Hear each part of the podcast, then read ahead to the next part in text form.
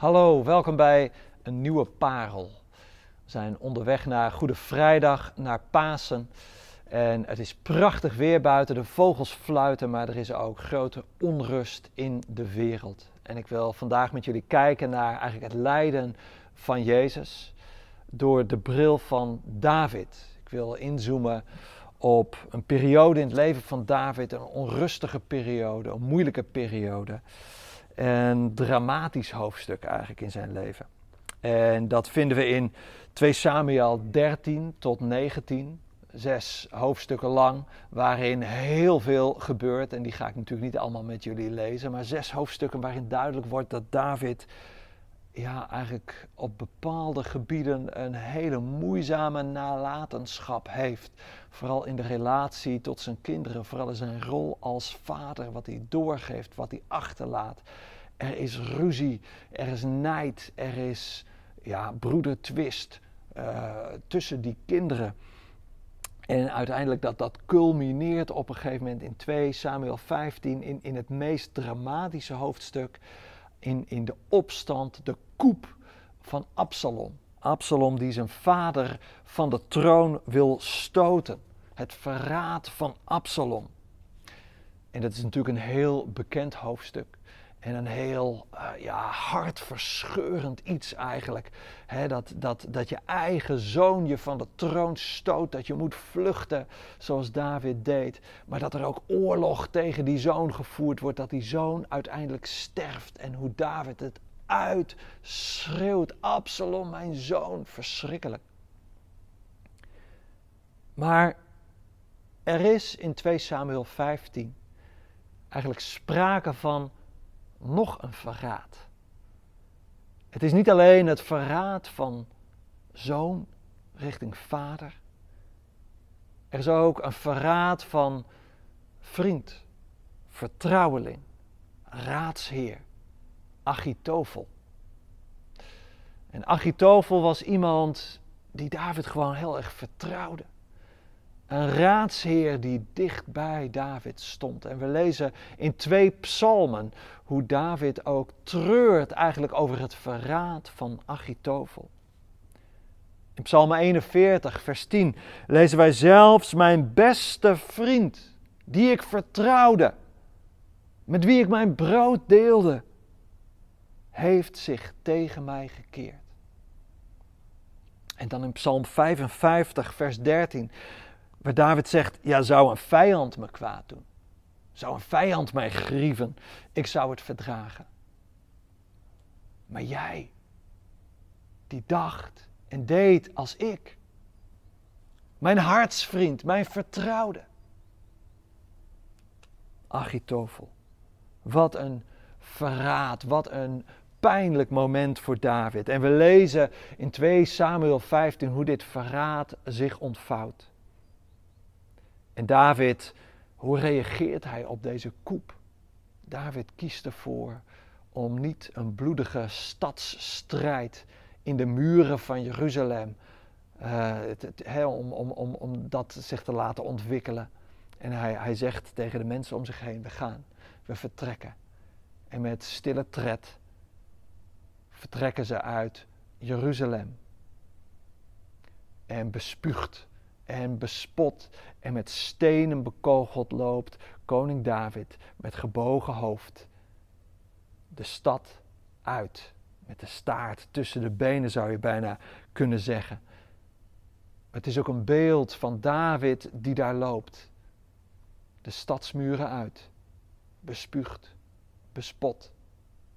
Een beeld van Jezus zoals die daar bijna duizend jaar later met het kruis op zijn rug zou gaan, bespuugd, bespot, verdragend, in stilte. Het roept ook Johannes 13 eigenlijk in herinnering, waar Jezus met zijn discipelen het laatste avondmaal viert. En waar Judas ook aan tafel zit. En waar Jezus heel bewust het brood deelt met Judas. En Psalm 41 in herinnering brengt. Mijn vriend, met wie ik het brood deelde. die mij verraadt. En zoals David eigenlijk een type, een voorafspiegeling van, van Jezus is, zo is Achitofel dat van Judas. Ja, en David, hij kiest ervoor om niet direct de strijd aan te gaan. Om niet de oorlog binnen de muren van Jeruzalem te trekken. Maar Achitofel, hij kiest ervoor om zijn knopen te tellen. Om met zijn hoofd te kiezen. Rationeel keuzes te maken. En hij denkt, ja, de oude koning vertrekt. Het was mijn vriend. Ik had het goed bij David. En nou komt die verschrikkelijke blaag van Absalom, die, die, die figuur, die komt aan de macht. Maar ja, de koning is dood, leven de koning. ik moet wijs zijn, ik moet om mijn familie denken, mijn gezin, mijn kinderen. Uh, ik kies voor de nieuwe koning. En hij meldt zich op afspraak als raadsheer van de nieuwe koning. En die nieuwe koning, Absalom, ja, wat doet hij? Luistert hij naar Achitofel? Nou, hij hoort hem aan, maar Misschien vertrouwt hij hem toch niet helemaal, want daar is ook een andere raadsheer, Gusai, net wat, net wat jonger. Hè, en die weet het ook goed te vertellen. En Absalom luistert naar die andere raadsheer. En de ironie van het hele verhaal is dat Gusai een dubbel, dubbelspion is. Die is nou juist wel nog in contact met David en doet alsof hij Absalom dient. En de raad van Achitofel wordt verworpen en naar de raad van Gusai, die uiteindelijk een list is om Absalom in de val te lokken. Naar de raad van Gusai wordt wel geluisterd. Achitofel die weet hoe laat het is. Hij gaat naar huis en net als Judas verhangt hij zich. David en Achitofel. Ze laten eigenlijk twee manieren, twee manieren om te reageren zien. David is de man van het vertrouwen, ook al zijn de handen leeg. David heeft niks meer. David weet niks meer. David heeft alleen nog maar zijn vertrouwen in God en handelt daarnaar. Achitofel zit ook in een hoek, zit ook in een moeilijke situatie, weet het misschien ook niet meer, maar hij vertrouwt op zijn denken. Hij vertrouwt op zijn boerenslimheid. Hij vertrouwt op politiek cynisme. Achitofel denkt, ik moet mezelf redden. En David weet, mijn leven is in Gods hand. En als ik denk, en waar we staan in de wereld, als ik denk aan de situatie ook in Oekraïne, als ik denk hoe ik in de wereld sta, waar oorlog is, waar onrecht is, ik kan me machteloos voelen. Ik kan me overweldigd voelen. Ik kan denken, wat moet ik doen? Wat heb ik te doen? Maar dan kijk ik naar David. Naar zijn lege handen. En naar zijn keus om te vertrouwen.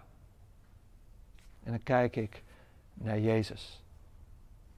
Naar Jezus die de weg gaat om te verdragen de weg naar het kruis, de weg van het slachtoffer. En dan denk ik, ja, daar is God. Daar gaat Gods hart naar uit. Daar klopt Gods hart voor. En mijn lege handen worden gevuld met een gebed. Een gebed voor al het lijden in de wereld. En mijn hart krijgt richting. En ik zeg, Jezus, ik wil u volgen. Amen.